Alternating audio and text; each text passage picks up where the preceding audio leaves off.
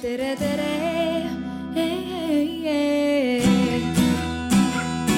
Eestimaa.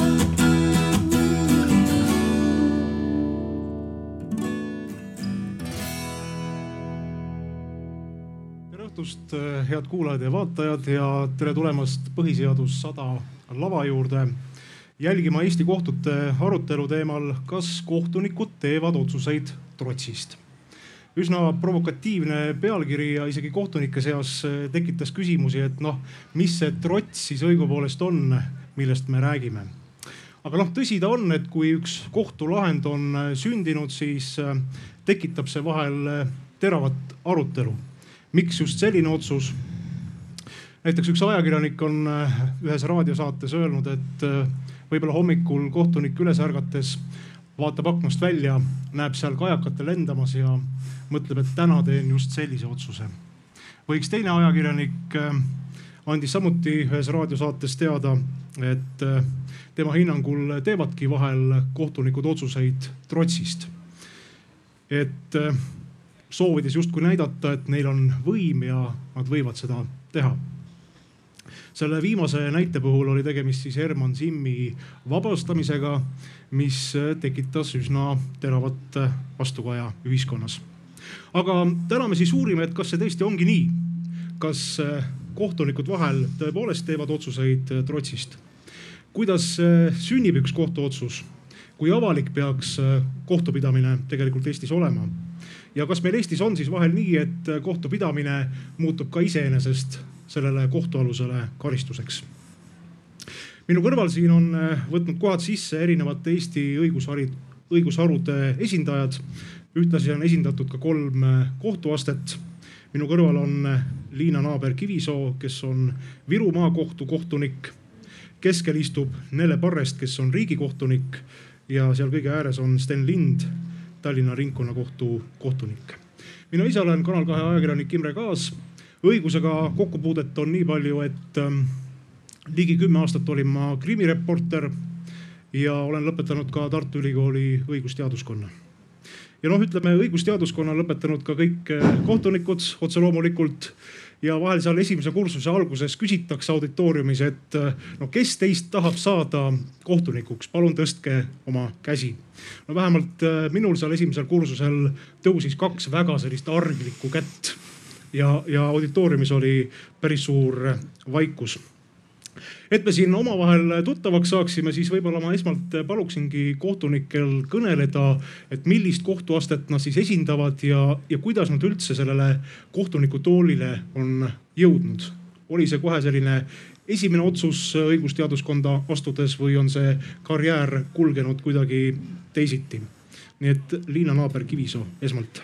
Tere, mina olen kohtunik olnud poolteist aastat ja olen siis esimese astme kohtunik, tegelen tsiviilasjadega. ja selleks, et siis võib-olla aru saada, mis see tähendab. enamasti need on võlanõuded, siis on väga palju elatise nõudeid. lisaks sellele hooldusõiguse ja eestkoste küsimused, pankrotiõigus ja asjaõigus näiteks, et kui kellelgi on mingi probleem kuhugi läbipääsuga ja, ja nii edasi. aga enne seda, kui ma siis kohtunikuks sain, siis kuigi ma olen seda tahtnud võib-olla mitte päris esimesest kursusest, aga, aga enne olin ma kümme aastat umbes advokaat. ja lisaks ka kolm aastat Euroopa Komisjoni õigusteenistuses. nii et karjäär enne kohtunikuks saamist on üsna mitmekülgne olnud. Nele Porest. Tere päevast. Eesti kohtusüsteem on midagi sellist segu positsiooni ja karjäärisüsteemist ehk teisisõnu küsimus siis sellest, et, et kas peab alati olema nii, et inimene noorena siseneb esimesest astmest ja siis läbi oma elu tõuseb järgmisele astmele, siis järgmisele astmesele. Või on võimalik kohtusüsteemi siseneda kõrgematesse astmetesse ka otse. Eesti on midagi siin sellist äh, segasüsteemi. ja mina olen siis üks äh, neist õnnelikest, kes äh, sisenes Eesti kohtusüsteemi otse kõige kõrgemasse astmesse. see oli õnn, aga loomulikult ka tohutu vastutus. töötan tänaseks juba siis neli aastat Riigikohtus. olen halduskolleegiumi liige ja ühtlasi ka põhiseaduslikkuse järelevalve kolleegiumi liige.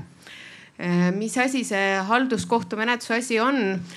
sinna alla kuuluvad kõik vaidlused, kus inimene on avaliku võimu vastu olgu küsimus siis sellest, kas ettevõte peaks saama tegevusloa, kas inimene peaks saama sotsiaaltoetuse, kas ehitusluba tuleks anda, milline planeering tuleks kehtestada ja muu taoline. kui rääkida minu taustast, et, et mis, mida ma tegin ennem seda, kui ma kohtusüsteemi sisenesin aastal kaks tuhat kuusteist, siis äh, pärast ülikooli lõppu töötasin ma mõned ajad äh, justiitsministeeriumist äh, ehk tegelesin siis rohkem õigusloomega. Äh, ja pärast seda mm, aast-, töötasin aastaid õiguskantsleri kantseleis nõunikuna ja lõpetasin siis asetäitja nõunikuna. Õiguskantsleri töö on mõneti sarnane halduskohtuniku tööle ehk lahendada kaebuseid, kus siis inimesed ei ole rahul mõne ametniku tööga. Aga üks hea ja suur oskus ja kogemus, mille ma õiguskantsleri juures ka kaasa võtsin, mis tänases minu töös on äärmiselt oluline, on oskus lugeda põhiseadust. saada aru, mis on nende normide taga, mis on nende sisu, mõte ja eesmärk. Sten Lind. tere, erinevalt äh, eelkõnelejatest äh, minu karjäär on olnud äh, üsnagi kohtute keskne. kohtunik olen olnud praegu umbes kaksteist aastat. enne ringkonnakohtunikuks saamist olin ka Harju maakohtus kriminaalasju ja väärteoasju lahendav kohtunik. enne seda lühikest aega justiitsministeeriumis karistusõiguse ja menetluse talituse juhatamisega tegelesin ja enne seda veel hulk aastaid äh, olin Riigikohtus kriminaalkolleegiumi algselt äh, konsultant, hiljem nõunik, nii et suurem osa minu karjäärist on tõesti olnud äh, seotud kohtute tööga. aga kui Imre siin alguses ütles, et, et kas kohe esimesest kursusest alates oli selline tunne sees, et, et peaks minema seda teed, siis kindlalt ma võin öelda seda, et äh, veel neljandal kursusel ehk siis toona viimasel kursusel olin ma veendunud, et ma karistusõigusega küll tegelema ei hakka, sellepärast et äh, see on nii suur vastutus teiste inimeste elu pärast, aga saatusel olid teised mõtted. no nii see kipub olema, aga läheme siis selle teema juurde ja võtame kohe selle trotsi ette. kas siis tõepoolest vahel äh, mõni otsus, mida kohtunik peab tegema langetatakse kellegi või millegi kiuste. sest noh, trots ju tegelikult seda tähendab. et olgu see siis menetlusosaliste vastu, olgu see siis, ma ei tea, poliitikute vastu, ühiskonna ootuse vastu. kas te olete kunagi tundnud, et teie sees selline pisikene trots on, mida tuleb alla suruda või kuidas sellega on? kes soovib alustada? millegipärast vaatavad kõik minu otsa jah, kriminaalõigus siis Ehm, mul on väga raske ette kujutada, et kohtunik teeks äh, otsuseid äh, trotsist. et siin minu jaoks see, kui keegi ütleb, et teeb otsuse trotsist, et millegi kiuste, siis see tähendaks, et, äh, et siin kohus läheb vastuollu seadusega. et noh, et eelkõige ju kohus peab lähtuma seadusest ja, ja õigusest. ja sellega ongi see, et kui kohtunik hakkab meelega tegema otsust mis ei ole seadusega kooskõlas, mille kohta ta ise tunneb, et see ei ole seadusega kooskõlas, sellega paneb ta toime juba ise kuriteo. aga kindlasti ega kohtuotsust mõjutab väga palju tegureid, et äh, kohus ei ole selline seaduse kohaldamise masin ja ka seadus jätab väga palju tõlgendamisruumi ja lisaks seadusele jääb väga palju sellist otsustamis- või kaalutlemisruumi ka tõendite põhjal, sellepärast et kunagi ei ole ükski tõend äh, täiesti vastuolude vaba või, või, või tõendite kogum ei ole vastuolude vaba. ja siis hakkavad mingil määral kindlasti ka kohtuniku enda väärtused ja emotsioonid mõjutama öö, otsuse tegemist. et no, et öö, mismoodi kohtuniku väärtus öö, otsuste tegemist mõjutab, et noh, et siin on kasvõi see, et kui seaduses antakse mingisugune noh kriteerium, et näiteks mingi tegu on toime pandud julmal viisil, et see on puhtalt kohtuniku sisetunnetus, et mis on julm viis ja teistpidi mulle tundub, et kui räägitakse sellest trotsist, siis see, see emotsioon, et kohtunik on teinud otsuse trotsist, ongi sellise inimese emotsioon, kes seda otsust omakorda loeb ja, ja tema arusaamad on erinevad, et ka juba kohtunike endi seas võivad arusaamad olla erinevad, et noh, et siin näitab seda ka see, et äh, madalama astme kohtud ja kõrgema astme kohtud ei pruugi olla sama meelt, et äh, tingimata ei tähenda see, et kõrgema astme kohus tühistab madalama astme kohtu otsuse ära, et kohus midagi otseselt väga valesti on teinud, aga, aga kõrgema astme kohtu hinnang on teistsugune. et, äh, et siin ma ütleks ka seda, et ma arvan, et ükski kohtunik ei taha teha otsust, millest ta eeldab juba ette ära, et, et see nagunii ära tühistatakse, et pigem nagu tahaks natuke prognoosida, et mida ka kõrgema astme kohus arvab aga kui kohtunik juba seda ei oska ette prognoosida, et siis on ka väga raske nagu kogu üldsuse arvamust ära prognoosida või, või noh, tegelikult ei saagi teha otsust, mis kõigile meeldiks no siin on hea võimalus kohe riigikohtunikult äh, küsida, miks siis ikkagi juhtub Eestis nii, et äh, riigikohus vahel alama astme otsuseid ümber muudab. Äh, kas need kohtunikud ei ole olnud pädevad, miks nad eksivad, miks riigikohus leiab midagi muud? Iga kohtunik äh, asudes ametisse annab vande. ka mina olen selle andnud. Äh, mõista õigust lähtudes oma südametunnistusest, järgides põhiseadust ja seadust. Äh, eesti keeles see, see termin õiguse mõistmine, millega kohus siis tegeleb, tegelikult on päris põnev termin et kui hakata mõtlema, millest see koosneb, siis ta koosneb kahest osast. õiguse mõistmine. ehk teisisõnu, kuidas kohtunik mõistab õigust, kuidas ta sellest aru saab. Äh, iga õigusnorm on kirja pandud sõnades. ja ma arvan, et enam mul Mikule kuulajaskonnast ma ei pea rääkima seda, kui mitmetähenduslikud võivad olla sõnad. ühel ja samal terminil võib olla erinevate inimeste jaoks väga erinev äh, arusaam juba see on esimene indikatsioon sellest, et üks ja sama inimene ka mis iganes parimas heas usus tegutsedes äh, võib saada samast tekstist, samast õigusnormist erinevalt aru no minnes edasi siis selle juurde nagu, mida kirjeldas ka Sten, et äh, et seadused ei ole meil kirjutatud viisile, et kui sa lähed poodi, varastad ühe šokolaadi, siis on karistus selline. kui sa varist, lähed poodi, varastad ühe šokolaadi, aga ühe kommi ka veel, siis on sinu karistus selline.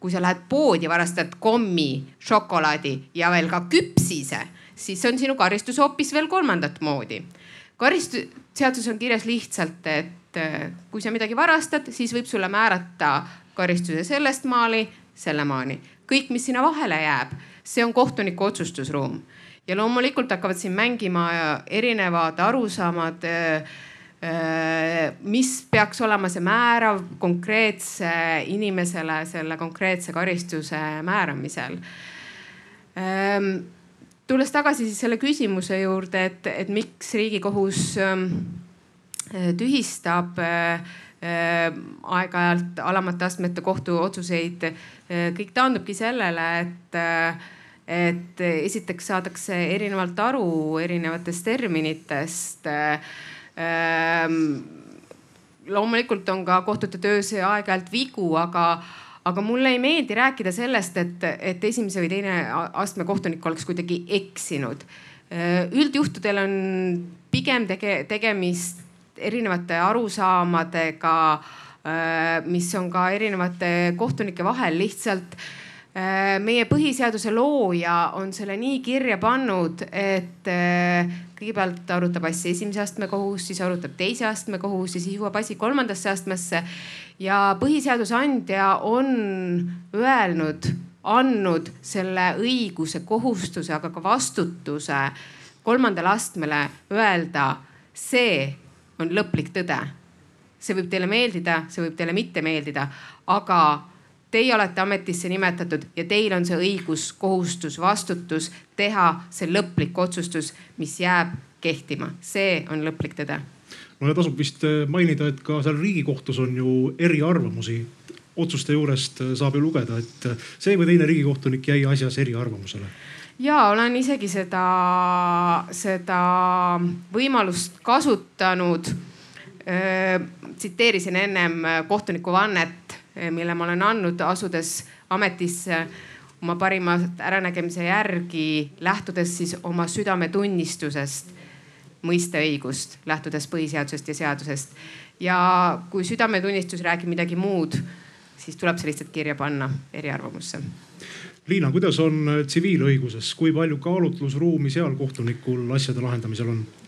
ma just mõtisklesin selle peale, et, äh, et tsiviilõiguses ikkagi meil on ka sellised mõisted, äh, mida mis sunnivad kohtunikku väga palju kaalutlema, kuigi võiks, võiks arvata, et mõned asjad on nagu väga selged, et kas, kas on leping või ei ole lepingut, eks. et see on nagu fakti tuvastamise küsimus ja, ja sealt edasi õigussuhte tuvastamise küsimus. aga meil on sellised toredad mõisted nagu mõistlikkuse põhimõte näiteks. et äh, mis on mõistlik seda ju sisustab tegelikult kohtupraktika ja noh, kui seda praktikat pole, siis, äh, siis hakkame sealt esimesest astmest pihta et mis see mõistlikkuse koht siis on, äh, siis äh, näiteks hooldusõiguse küsimustes on üsna palju seda kaalutlusõigust, et, et kuidas kohtunik ikkagi näeb seda suhet, et kas, äh, kas, kui me hakkame hooldusõigust ära võtma, et kas see siis see, kellelt seda hakatakse ära võtma, et kas ta on sobiv vanem või ei ole sobiv vanem, see, see siin on ka kohtul ikkagi küll on tõendid, aga, aga lõplik see kaalutlusotsus tuleb, tuleb ikkagi kohtuniku südametunnistuse järgi no siin me tegelikult jõuamegi kohtuniku isiku juurde, tema enda väärtushinnangute juurde. Äh, nagu te ütlesite, siis äh, hooldusõiguse küsimuses üks kohtunik võib-olla annaks ühele poolele õiguse, teine teisele poole. et kui suur roll ikkagi nende otsuste langetamise juures siis on äh, kohtuniku enda välja kujunenud väärtushinnangutel, tema maailmavaatel?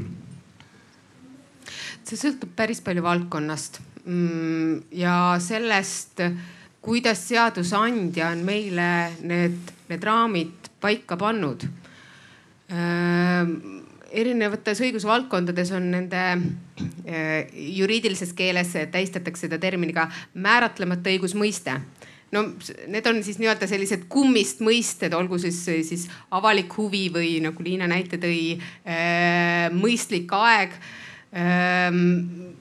kui seadusandja on meil juba sellise otsustusruumi andnud, siis sellest lähtudes eh, me ka oma otsused tegema peaksime, et äh, eks jah äh,. seda on ka kohtunikele ette heidetud, et, et me justkui teeksime ise tegevust, kui, kui me ühes või teises lahendis on kirjas, et näiteks ka samast soost inimestel on õigus perekonnaelule. et seejuures me justkui äh, läheksime vastuollu äh, äh, nende arusaamadega, mida poliitikud on tahtnud äh, seadustes äh, väljendada, aga kui seadus meile selle otsustusruumi on andnud, siis, siis meil on õigus, aga ka, aga ka kohustus lähtudes oma südametunnistusest otsustada, kas siis on õigust perekonnaelule või ei ole õigust perekonnaelule.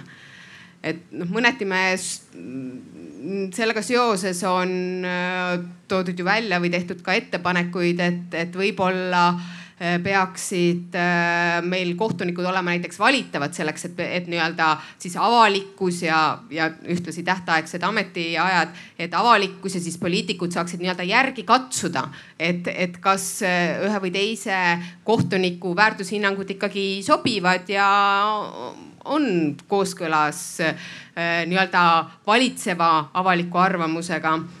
aga ma arvan, et see, et see kohtunike valitavus ja ametiaegade tähtaegsus on väga äh, lühiajaline vaade, et äh, lugesin just eile üle äh, kohtute aastaraamut kaks tuhat kaheksateist, soovitan lugeda, keda huvitab teema, see kohtunike valimise teema.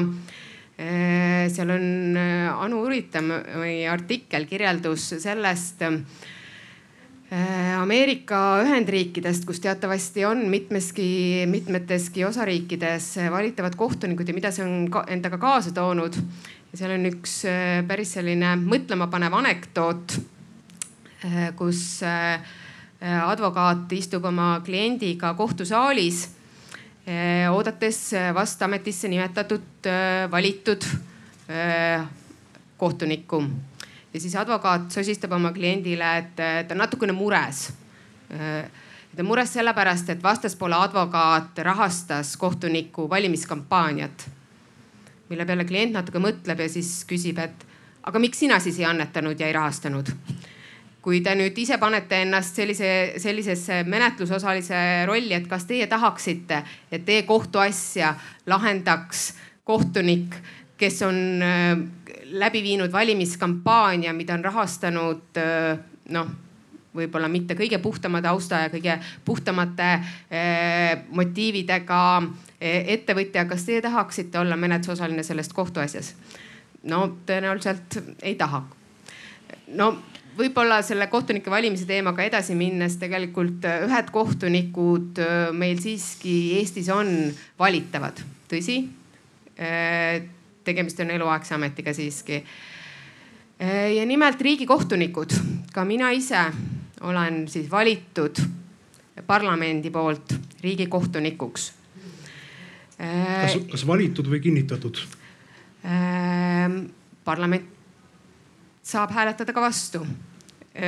ja ka mina sain vastuhääli, andes valesid vastuseid teatud poliitikute hinnangul nende küsimustele riigikohtunikud on valitud ja see põhimõte, et riigikohtunikud valitakse parlamendi poolt, on tegelikult meil kirjas juba põhiseaduses ja ausalt öeldes ma ei ole päris kindel, et eh, nii meie poliitikud kui ka tegelikult avalikkus on enda jaoks läbi mõelnud, et, et miks see nii on. tegelikult on sellel väga oluline ja kaalukas põhjus.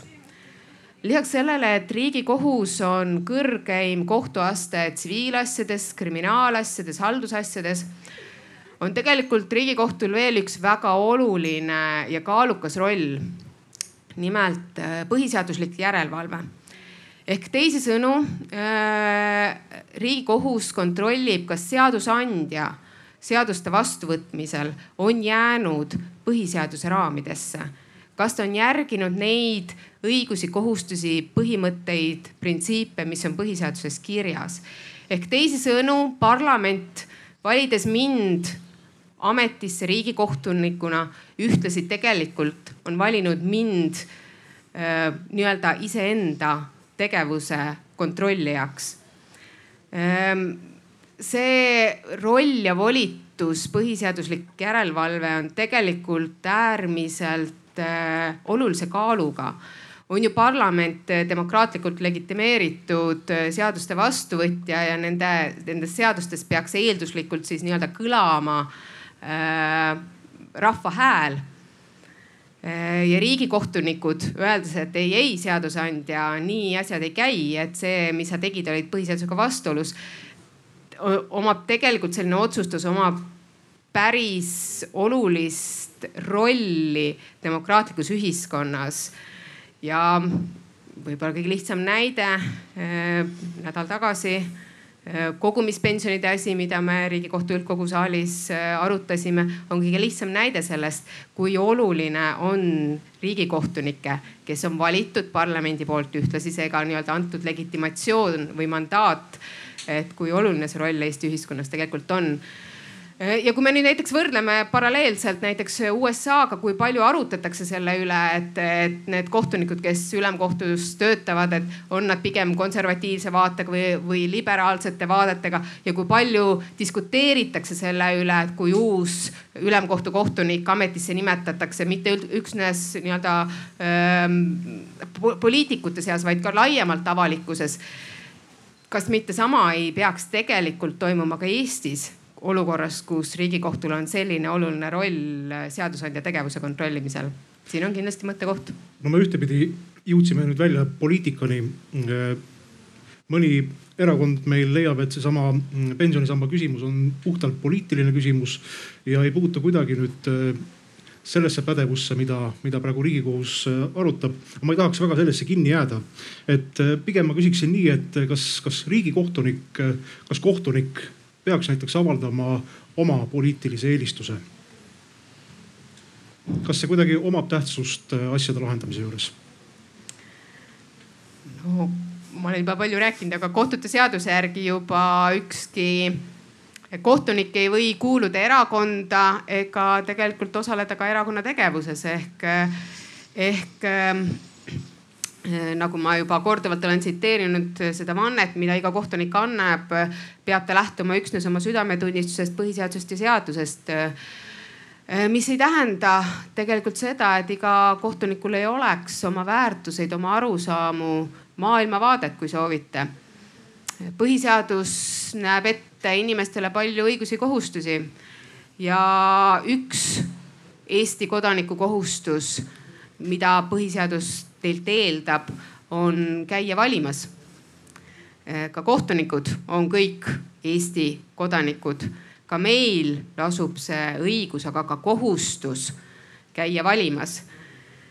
ja iga nelja aasta tagant ma usun, et enamus kohtunikke oma kodanikukohust täidavad ehk lähevad valimisurni juurde, olgu see siis füüsiline või elektrooniline ja oma sedelikese sinna valimisurni laseb kus on siis kirjas äh, mõne kandidaadi number, olgu see siis valimisliit või, või üksikkandidaat või erakond.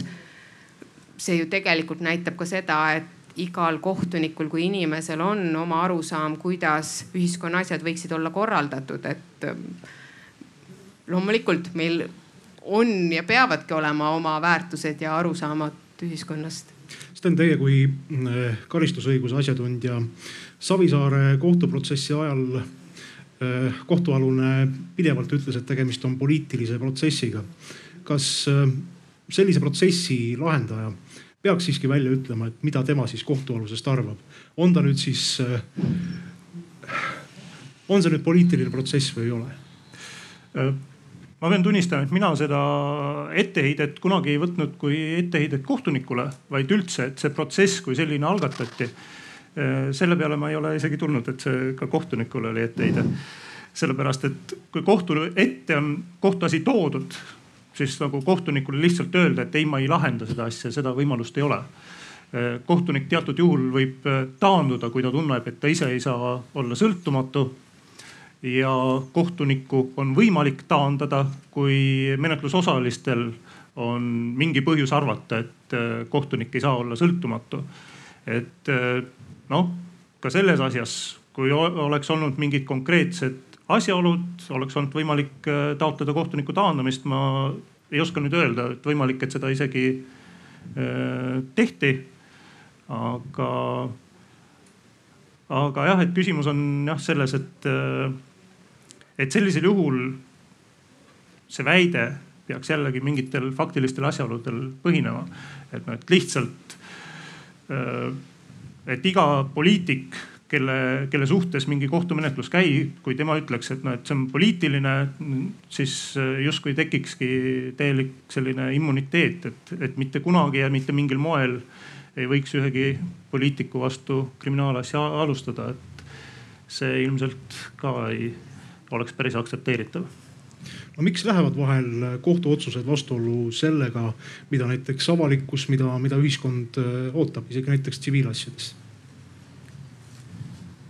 sest võib-olla avalikkus äh, ei tea kõiki nüansse, kõiki neid äh, asju, mis kajastatakse ajakirjanduses, ei pruugi olla kohtutoimikus. Ja kohtunik ei saa teha teistsugust otsust kui see, mis ta teeb, sest äh, ikkagi võttes materjalid aluseks äh, ta saab teha ainult sellise otsuse, nagu ta teeb, aga avalikkus on näiteks saanud hoopis mingisuguse teistsuguse kuvandi sellest. ja eks meil igalühel ole no tõesti ise, iseenda veendumus ka. Ja kas, kas me nüüd kajastame neid, äh, neid kohtuasju nii detailselt avalikkusele, kui, kui need seal toimikus on, ma arvan, et mitte. No tegelikult see avalikkuse teema on meie suurem selline järgmine plokk, aga lõpetame selle teema ära, et et äh, Sten, teie olete kritiseerinud ka sellist äh, tänast meie olukorda, kus äh, vahel otsuseid langetades ei saa kohtunik arvesse võtta siis selle kohtualuse varasemaid kuritegusid, mis on kustunud. et kas, kas, kas see, see fakt, mis näiteks avalikkusele on teada ja kui nüüd kohtunik ei saa seda arvesse võtta, no millise mulje see tegelikult meie kohtusüsteemist jätab? Ja ma tahtsingi öelda seda, et noh, et üks aspekt, mis võib seda mõjutada, et miks avalikkuse jaoks võib olla kohtuotsus arusaamatu, on see, et avalikkusel on teada mingit infot, mis ka mõjutab seda arvamust, aga mida kohus tegelikult ametlikult arvesse võtta ei või. et siin on olnud ka seda noh, näiteks liiklusõnnetuste puhul, raskete liiklusõnnetuste puhul, kus piltlikult öeldes kogu küla teab, et ta joob ja sõidab ja kihutab. Aga see, et kogu küla teab, see ei ole mingisugune tõenditel põhinev fakt ja see ei seondu selle konkreetse asjaga. kohtunik peab keskenduma sellele, et sellel konkreetsel juhul, mida ta tegi, kuidas ta sõitis ja, ja mis selle tagajärjed olid. et ta ei saa võtta seda üldist äh, kogukonna teadmist endale aluseks ja tegelikult on võimalik ka see olukord, kus äh, on isegi olemas mingisugused tõendid ja see tõend iseenesest võib väga selgelt näidata kellegi süüd. aga kui sellel tõendil on küljes mingi põhimõtteline viga, mille pärast seda tõendit ei tohi kasutada, siis peab kohus selle tõendi kõrvale jätma ja tegema näo, et sellist tõendit ei ole olemas. kas on see siis mingisugune äh, jälitustoimingu tulemusel saadud äh, äh, info, ainult et jälitustoiming on tehtud ebaseaduslikult või annab keegi väga selgelt kedagi süüstavaid ütlusi, aga on mingi oluline põhjus arvata, et, et kahelda nendes ütlustes, et kas, kas see inimene ikka annab päris ausalt neid ütlusi. sellisel juhul peab kohus selle info kõrvale jätma. ja võibki tekkida vastuolu sellega, et seesama info on jõudnud ka avalikkuse ette ja nüüd avalikkus juba ootab, et ohoh, et selline info on olemas, aga nüüd tuli siis selline otsus nii, enne kui me hakkame nüüd äh, arutama avalikkust, siis äh, selle teemaploki lõpetuseks võtaksin ka publiku seast paar küsimust, kui nüüd on tekkinud. Äh, mikrofon tuleb sealt kohe. -hmm. ja palun, kui võimalik, siis ka tutvustage, kes te olete. tere, tere, minu nimi on Mats ma olen Tartu Ülikooli teadur ja advokaadibüroo Lextali jurist et äh, mul on küsimus kohtunikele selline, eks, et äh, just selle viimase teema osas, et äh, kas ja mitu korda on olnud sihukene olukord, kus ähm, te olete teinud otsuse, mis on seaduse järgi õige, aga teie sisetunde järgi ebaõiglane? Et te ütlete, te olete olukorras, kus te, võttes arvesse neid tõendeid ja neid norme, ma pean tegema sellise otsuse, isegi kui ma lisan sinna juurde midagi muud, näiteks eh, ma loodan, et ma soovin, et seadus oleks teistsugune või et näed, siin on mingid teised asjad, mis ei ole tõenditena esitatud. Teile, teile tundub, et see on ebaõiglane otsus, aga teil ei jää muud üle, et, et nagu, kas te saate rääkida, et noh, kas, millal, kuidas, mis asjaoludel, aitäh. jah, mina, ma võin otsa lahti teha, et ähm, ähm põhimõtteliselt on ju nii, et kui sa teed otsust ja sa tunned, et, et seadus äh, seob su käed selle otsuse tegemisel nii kõvasti kokku, et see tundub sulle, aga see tulem tundub sulle ebaõiglane, siis äh, ütleme nii, et mina olen põhiseaduse usku inimene ja ütlen, et siis on selline seadus põhiseadusega vastuolus ja siis on kohtunikul äh, selleks konkreetne äh, tegemis, tegutsemis selline nii-öelda jada, mida ta peab ette võtma, et tal on võimalus see seadus kohaldamata jätta äh, ja langetada siis algatades põhiseaduslikkuse järelevalve, algatada sellise algatada põhiseaduslikkuse järelevalve ja lahendada see otsus selline, mis tun-, minu südametunnistuse järgi vastab enam põhiseaduse mõtte sättele ja eesmärgile. küll ma pean tunnistama, et on olnud minu praktikas üks kohtuasi, mis, mis jäi mul kripeldama, aga seda mitte niivõrd niivõrd menetlusnormide või nii, nii, mitte niivõrd seaduse normide tõttu, vaid seetõttu, et advokaat oli asja väga halvasti ajanud. ja siis paraku otsisid ühte nurka, otsisid teist nurka, et teha õiglasemat otsust, aga kui juba algusest peale on advokaat halvasti asja, siis no ei saanud küüsi teha. ma kohe jätkaks sealt, et mina pean ikka tegelema oma varasema rolli mahasurumisega. et olles olnud äh, pikalt äh, vandeadvokaat ja, ja esindanud nii-öelda seda ühte poolt ja püüdes leida oma kliendile seda kõige paremat tulemit, siis täna olles kohtusaalis otsustaja ma vahetevahel eksin oma mõtetes ikkagi sinna, et, et aga miks see advokaat nagu seda ei paku välja oma kliendile. tuleks palju parem lahend. kas kohtunik ei või siin sekkuda, öelda, et no tulge. eks ta natuke sekkub ja tsiviili selgitamiskohustus ja, ja kõik muud sellised asjad aitavad mind kaasa sellele, aga noh, ega ma lõppkokkuvõttes ei saa ütelda, et kuule, mine nüüd sinna ja võta see tõend ja too mulle. et noh, seda ma päris teha ei saa. et ümber nurga ja nii äh, ütleme siis äh, püüdes äh, nagu leida seda, et äh, kuidas, kuidas inimese, noh, mis on inimese tahe olnud. vahetevahel on ka see, et esindaja võib-olla ei ole oma kliendile kõike selgeks teinud, et, et no näiteks elatiste asjades on see, et, et kliendil on teadmine, et see miinimum, mis seal seaduses on kirjas see, see tuleb alati, see tuleb alati välja mõista. Ja kui ta sinna kohtusaali jõuab, siis tuleb välja, et tegelikult ikkagi alati ei ole see miinimum, et on väga palju argumente, mis siis teisele poolele on, et seda miinimumi vähendada, see tuleb talle üllatusena ja, ja siis kohtuniku roll ongi seal selgitada seda, aga, aga siis ka vahel noh, siis jõuda no,, minu eesmärk seal tihti jõuda kompromissini, aga, aga siis ongi see koht, kus ma vahel tunnen, et aga võib-olla see esindaja oleks pidanud hoopis kuhugi, kuhugi mujale suunama oma, oma energia ja tooma mulle mingisuguseid muid tõendeid. et, et see jääb kripeldama nii, aga Sten, sama küsimus ka sulle, et kas näiteks mõnes mõrvaprotsessis on jäänud inimene süüdi mõistmata teades, et ikkagi noh, ta on tegelikult ju selle toime pannud. midagi, midagi nii värvikat äh, mul meelde ei tule ja isegi kui seal sellised nüansid oleks, siis ma pean ütlema, et seal tuleb ette nõupidamistoa saladus.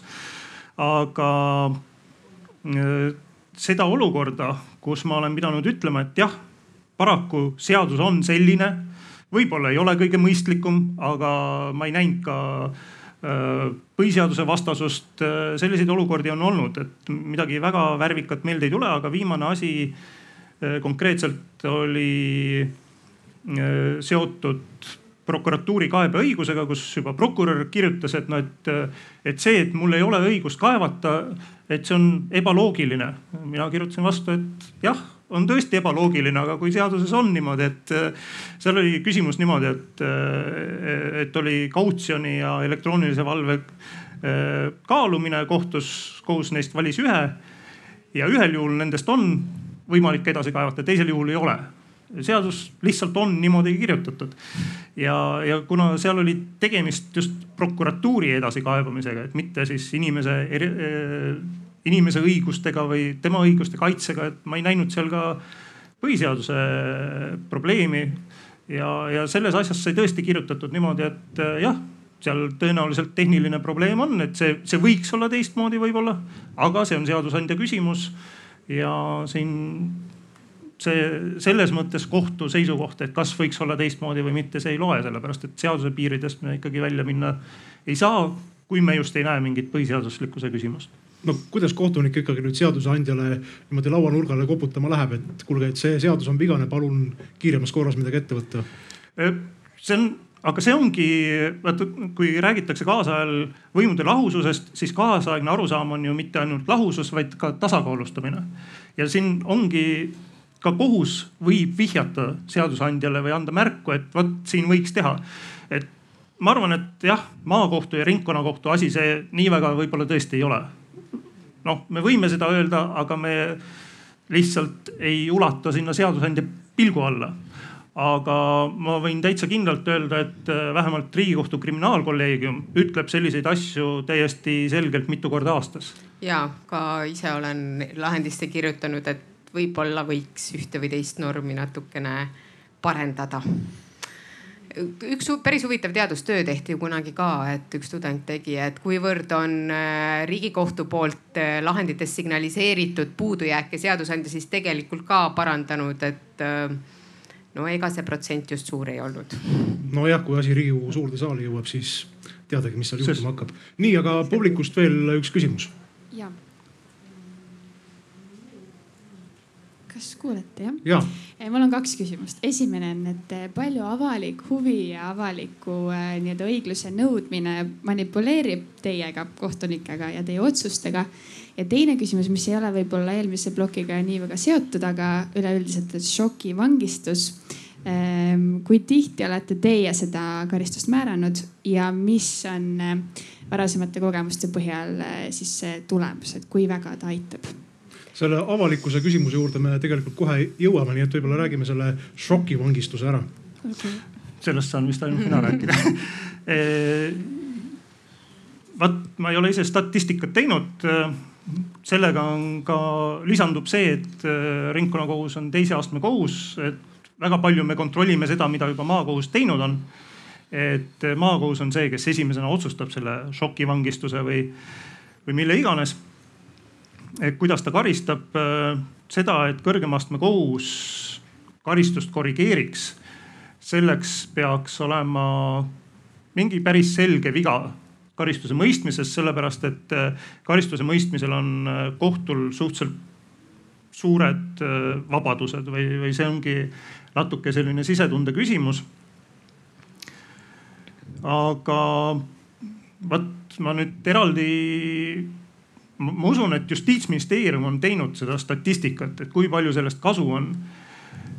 Uh, nii palju, kui ma olen lugenud teiste riikide kogemusest, sest ega Eesti ei ole ainus koht, kus šokivangistust kasutatakse, siis seda ikkagi nähakse efektiivse meetod, meetodina inimeste puhul, kelle, kellel see on tõesti siis sisuliselt esimene ettepuude, kokkupuude kriminaalasjaga et äh, inimeste puhul, kes ikka ja jälle kohtu ette satuvad, et seal ilmselt see mõju on väike. aga noh, selline laiemast statistikast äh, võttes ongi erinevate riikide kogemus on see, et on mingisugune tuumik äh, nii-öelda kurjategijaid, kes ikka ja jälle satuvad kohtu ette ja on suurem osa pigem siis selliseid inimesi, kes tõesti satuvad kohtu vaatevälja ühe korra, et, et ma arvan, et nende inimeste puhul äh, võiks see olla täiesti efektiivne. ja kohtuniku ülesanne ongi siis kuidagi tunnetada ka seda, et kui suur on see lootus, et see, selle inimese jaoks võiks see jääda selleks ainsaks korraks aga võib-olla selle esimese küsimusega, mis haakub selle sisuliselt ju teemaga, et kas, kas see, kui avalikkuse ees kajastatakse mingit kohtuasja, see kuidagi mõjutab kohtuniku sise, siseveendumuse kujunemist, siis äh, ma olen enam kui kindel et, et üheksakümmend üheksa koma üheksa protsenti juhtudest äh, see mingit mõju ei oma, et pigem see tekitab kohtunikus sellist vähemalt isikliku kogu, kogemuse pinnalt, et pigem sihukest hämmastust, et, et kas te nagu tõesti arvate, et see kuidagi võiks mulle äh, mõju ava, avaldada, et kui, kui ma olen lahendamas mingit konkreetset äh, suurt äh, suure avalikkuse huviga olevat kohtuasja, siis mingid ütleme siis nii, et veidrad ajaleheartiklid hakkavad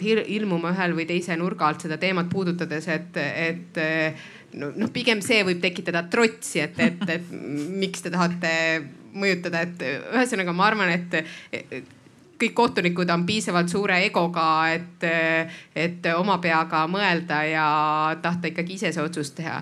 küll sellega haakuvalt äh, olen ise mõelnud päris palju selle üle, et Eestis mitte küll nii väga, aga paljudes teistes riikides on äh, hakatud kasutama tehisintellekti ennustamaks kohtuotsuseid. ehk teisisõnu on tehtud siis analüüse, et, et, et sellises olukorras selliste tingimuste esinemise korral üks see tõenäosus, et kohtunik otsustab sel vii-, sel viisil on selline ja selline et kas ja millist mõju sellised, äh, sellise, selliste ennustuste tegemine, sellised analüüsid, nende avalikustamine võib omada kohtulahendile. et siin ma tegelikult näen küll päris suurt ohukohta, et, et äh, kui näiteks ilmuks äh, selline analüüs, et Nele Parres tavaliselt otsustab sellistes asjades sel viisil, siis äh, isegi kui ma eiran seda teadlikult, otsustan, et ei, ma ei taha seda, noh, see ei mõjuta mind, siis kas see võib omada siiski alateadlikku mõju, et, et ma nüüd hakkan otsustama hoopis teistmoodi siis, et ähm,. aga miks teistmoodi?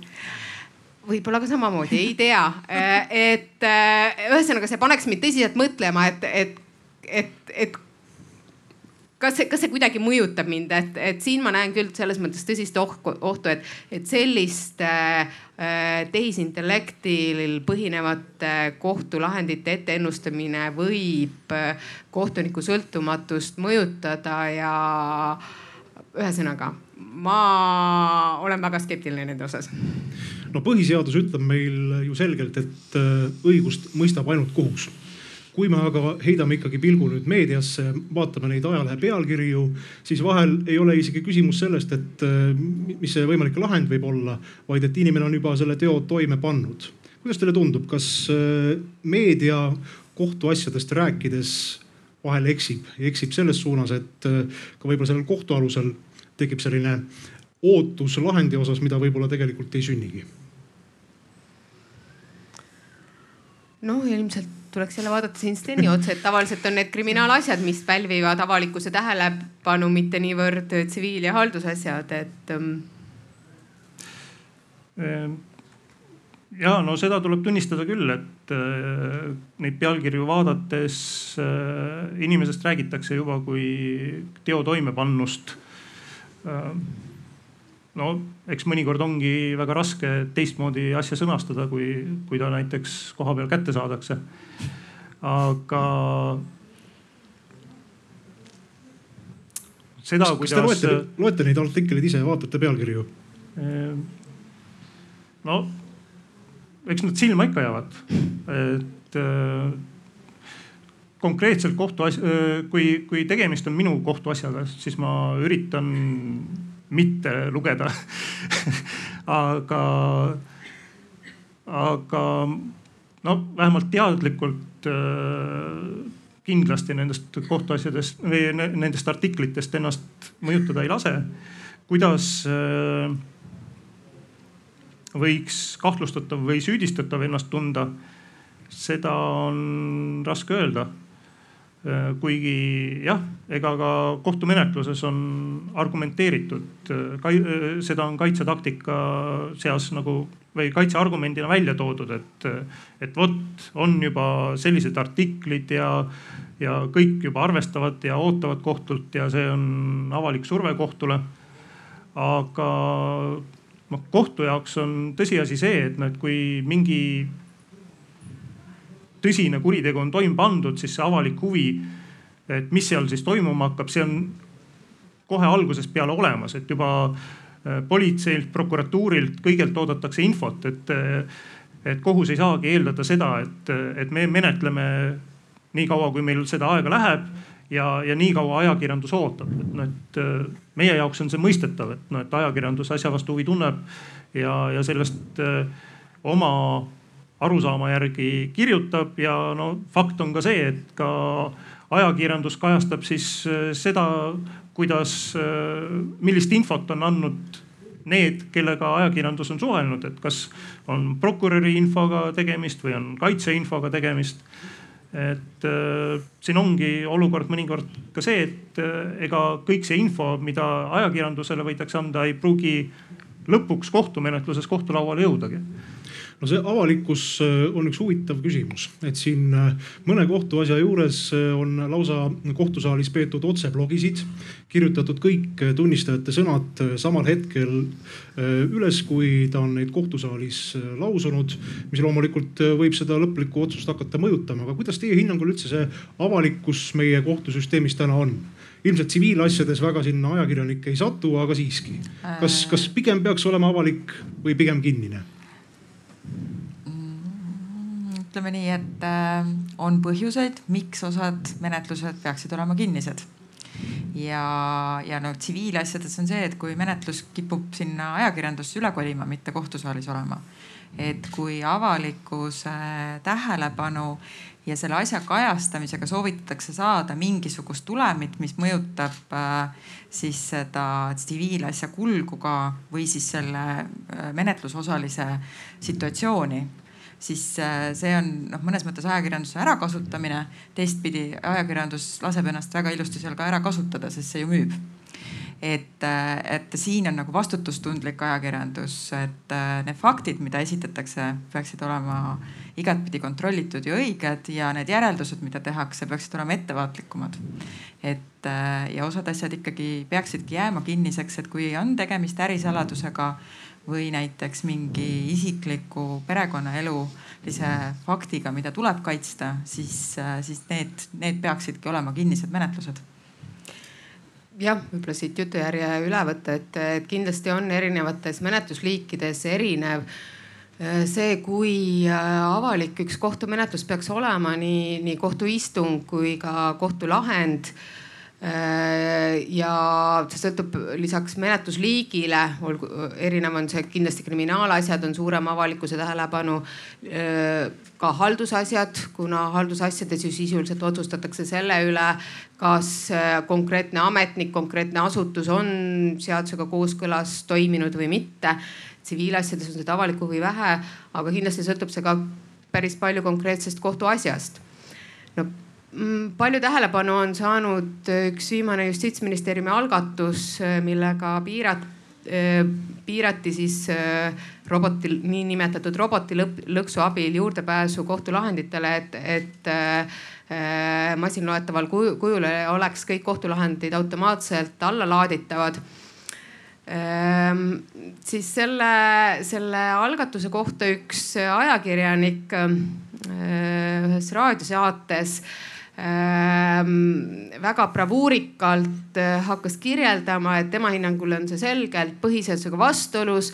et mis mõttes, et kas justiits, justiitsministeerium siis eeldab nüüd seda, et, et ajakirjanik läheb sinna kohtusse ja kantseleis hakkab seda lahendit lugema, et see on ju põhiseadusega vastuolus mille peale mina automaatselt hakkasin mõtlema oot-oot-oot, et ehm, mis aastal meil põhiseaduse vastu võeti, see oli aasta tuhat üheksasada üheksakümmend kaks seal on üks selline, tõepoolest põhiseaduses on üks siis selline säte, mis ütleb, et kohtu, äh, kohtumenetlus on siis nagu avalik, noh eelduslikult siis ka kohtulahendid on avalikud.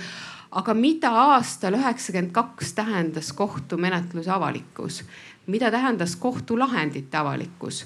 see tähendaski seda, et sa võisid minna kohtusse, kantseleisse ja vaadata, milliseid kohtuasju seal arutatakse otsustada, kas sa lähed istungit kuulama ja seal kohapeal tutvuda nende lahenditega. toona tähendaski kohtumenetluse avalikkus eeskätt seda. no ma olen kaugel sellest, et, et toetada sellist nii-öelda üksnes ajalool põhinevat põhiseaduse tõlgendamist, kaugel, kaugel sellest. loomulikult tuleb ajaga kaasas käia ja ka põhiseaduse sätete ja mõtete tähendus ja sisu muutub ja tänane avalikkus on midagi muud, mis aastal üheksakümmend kaks.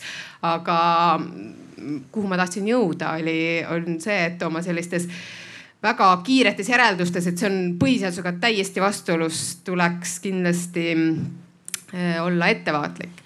Aga kui noh, kuna see teema on siin päris palju avalikkuses eh, viimasel ajal arutamist leidnud, siis äh, võin kind, kindlasti väljendada siin ka oma isiklikku seisukohta, et et isiklikult äh, see idee või, või mõte, miks justiitsministeerium seda teeb, on minu jaoks kindlasti, äh, kindlasti arusaadav ja ma seda toetan, lihtsalt võib-olla see meetod ei ole kõige, kõige õnnestunum.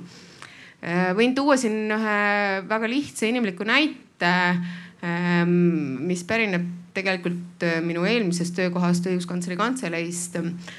mäletan üht, ühe inimese muret kes äh, oli otsustanud oma õigusi kaitsta töösuhtes, minnes kohtusse oma tööandja vastu. Äh, tema jaoks lõppes kõik õnnelikult, aga noh, ta lõpuks tuli sealt töölt ära. kandideerib uude töökohta, saab ära eitava vastuse, kandideerib uude töökohta, saab jälle eitava vastuse ja mis siis lõpuks selgus? lõpuks selgus on see, et no, mõelge ise, et kui teie olete tööandja, siis noh, mis on esimene asi, mida te teete, et kui te uut inimest tööle võtate? Te guugeldate, mis on esimesed asjad, mis plopsidel sealt Google'ist ette tulevad, on aa, see inimene on läinud oma tööandja vastu kohtusse hmm kolm korda mõtlete, kas te sellist inimest ikkagi tahate endale töö, tööle, et kui ta juba on selline, et läheb oma tööandja vastu mm,, pigem siis mitte. noh, tema õnnetus oli veel see, et kuna tegemist oli konkreet sellise õigusvaldkonnaga, kus oli vähe kohtuasju olnud, siis äh, see konkreetne kohtukaasus äh, koos tema nimega siis äh, leidis korduvalt tsiteerimat-, tsiteerimist erinevates rahvusvahelistes raportites kui näit-, positiivse näitena ja ka erinevates magistritöödes ja bakalaureusetöödes ja erinevates tudengi uurimistöödes ja siis hakka võitlema selle Google'iga, et, et ta unustaks ära, et sa oled kunagi läinud oma tööandja vastu. Ehm, ühesõnaga, kuhu ma tahtsin lõpuks jõuda, on see, et kui me, ehm, kui me ehm, väga sihukese helde käega kõiki kohtulahendeid isikunimedega avalikustame, siis tegemist on riigi poolt avalikustatava infoga, millel võivad olla inimese jaoks lõppastmes väga Äh, väga keerulised ja rasked tagajärjed, mida esmapilgul äh, ei pruugigi hoomata. Äh, nagu ma ütlesin, kindlasti on kohtuasju ja valdkondi, kus ilmtingimata peakski kõik lahendid olema isikunimedega kõik väljas, absoluutselt ei vaidle. aga need on kaduvväike osa, üks, kaks, kolm, neli, viis protsenti, üheksakümmend viis protsenti lahenditest tegelikult ei huvita ei avalikkust ega ka õigusavalikkust, juriste, praktiseerivaid juriste see, kes on see konkreetne inimene, kes läks kohtusse, kes on see konkreetne inimene, kelle vastu mindi kohtusse. Neid huvitab õiguse tuum, see küsimus, kuidas kohus konkreetse õigusküsimuste, nendele faktidele tuginedes lahendas. Kärbes on ka äärmiselt huvitatud äh, juriidikast, ma saan aru ehk, eh, ehk teisisõnu võib-olla peaks, eh, teisisõnu, ma pooldan seda justiitsministeeriumi eh, arusaama, et me peaks võimalikult vähe isikuandmetega lahendeid avalikustama, õigemini kolm korda mõtlema, ennem kui me seda teeme. Ehm, ja ülejäänud anonüümida, aga siis ja juurdepääs ilma selle nii-öelda robotilõksuta, sest oluline, et see õigustuum õiguspraktika kujunemiseks oleks võimalikult hästi kasutatav ja kättesaadav. nii, aga võtaksime selle teema kohta nüüd ka publiku seast äh, mõned küsimused, seal on käsi püsti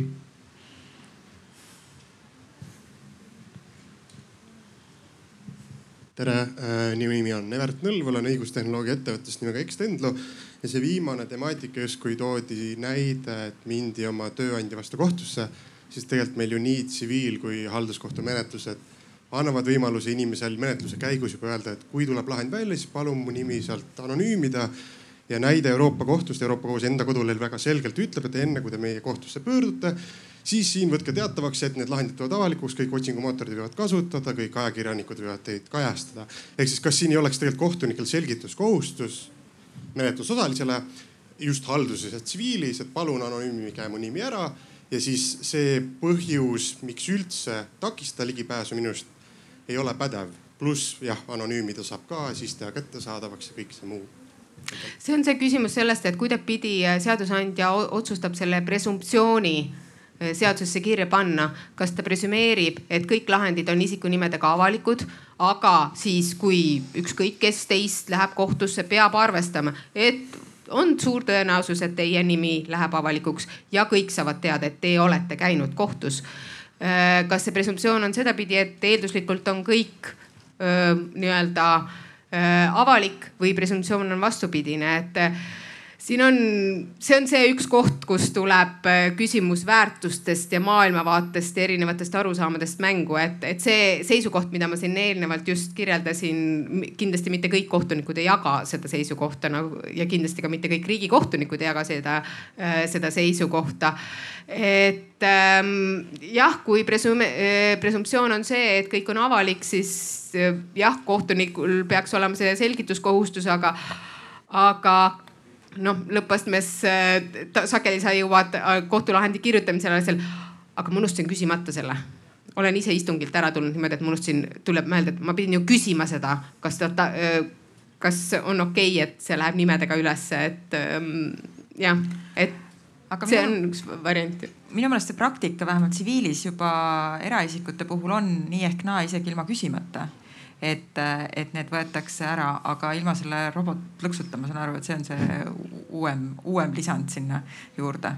et ja, ja tsiviilkohtumenetluse seadustik võimaldab seda, seda ka inimesel küsida ja osadel juhtudel seda ka küsitakse, aga minu meelest nagu praktika nii ehk naa suundub sinnapoole, et, et neid, neid nagu anonüümitakse, aga seda robotlõksu nagu ei olnud siis, aga nüüd see on see uus uus juurdetulek, sest Riigi Teatajas tegelikult äh, tsiviilasjades pole nimesid minu meelest juba päris tükk aega olnud.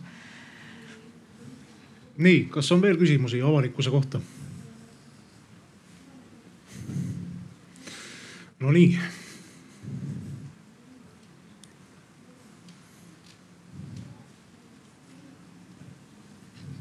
tere Alari, ma praegu korraldan seda festivali siin.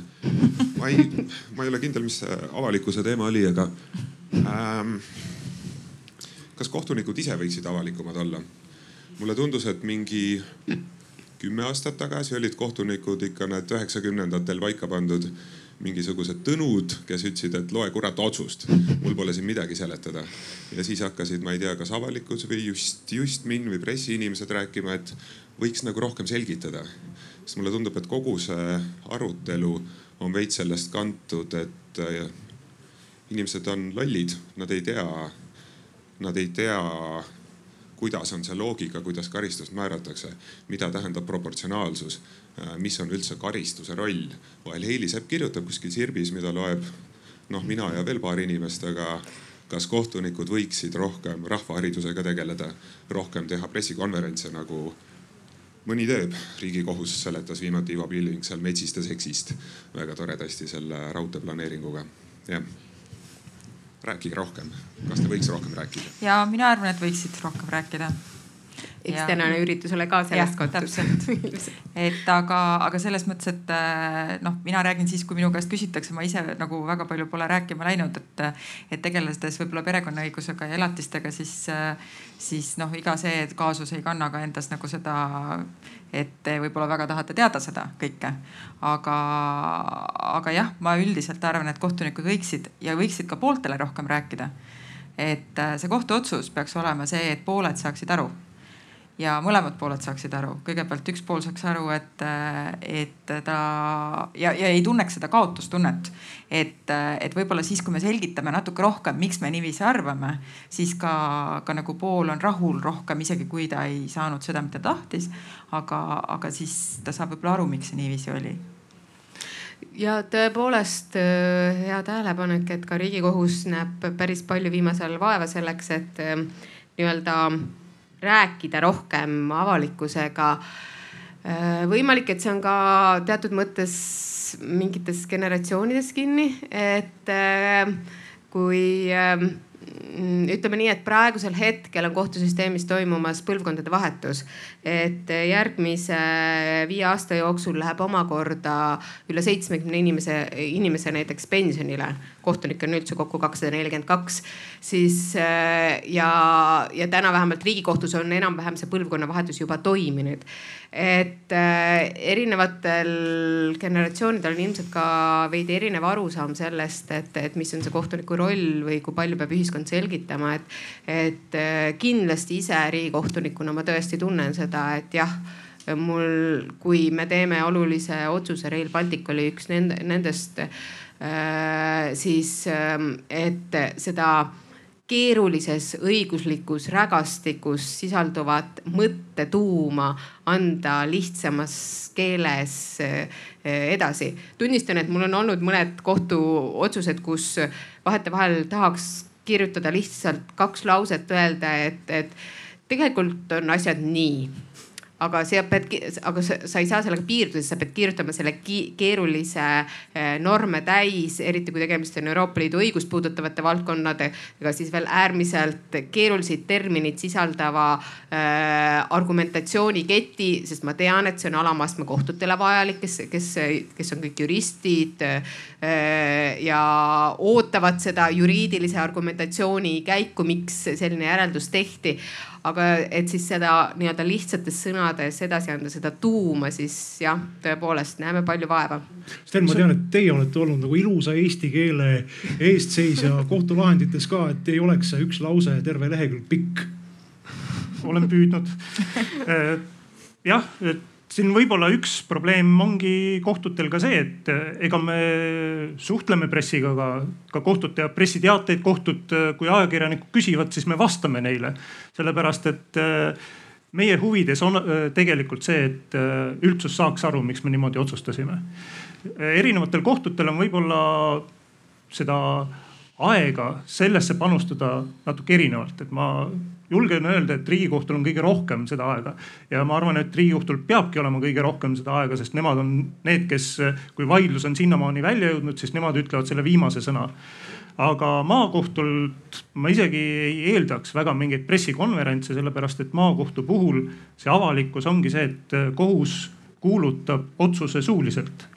et seal ongi see otsuse kuulutamine ja ja kaasajal kriminaalasjades otsuse kuulutamine ei tähenda, kunagi tähendas seda, et terve otsus, ükskõik kui pikad need põhjendused olid, loeti ette. aga kaasajal on niimoodi, et kohtunik loeb ette selle, mida kohus otsustas, mis oli see lõpptulem ja siis selgitab suuliselt äh,.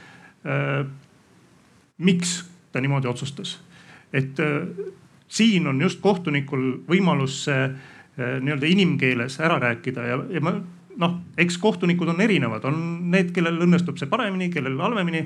ja kohati võib see erinevus selle suuliselt edasi antud sisu ja, ja kirjaliku otsuse vahel olla päris suur, et vähemalt kohtumenetluse pooltele ja ka teistele, kes siis otsuse kuulutamisele on kohale tulnud. Neil on võimalus siis kohtult otse kuulda, et miks kohus niimoodi otsustas. noh, ringkonnakohtus jah, pressikonverentse me tõesti ei ole teinud, aga jah, et me oleme vastanud alati, kui on mingeid küsimusi olnud ja vastanud ka, andnud intervjuusid olen ise, et kui, kui selle järel, järgi on vajadus olnud, sest minu isiklik seisukoht on see, et kohtuvõim tugineb avalikkuse usaldusel. Ja avalikkuse usaldust ei saa olla kui avalikkusele jaoks jääb selgusetuks, miks kohus ühe või teise otsuse tegi. aga siin on see erinevus, et äh, tsiviilis me liigume aina rohkem ja rohkem kirjaliku menetluse poole. ja, ja siis, kui kriminaalis, eks esimeses astmes on vähemalt see pidulik kokkusaamine, kus äh, siis kõik selgitatakse nii ära, olenevalt siis kohtunikust.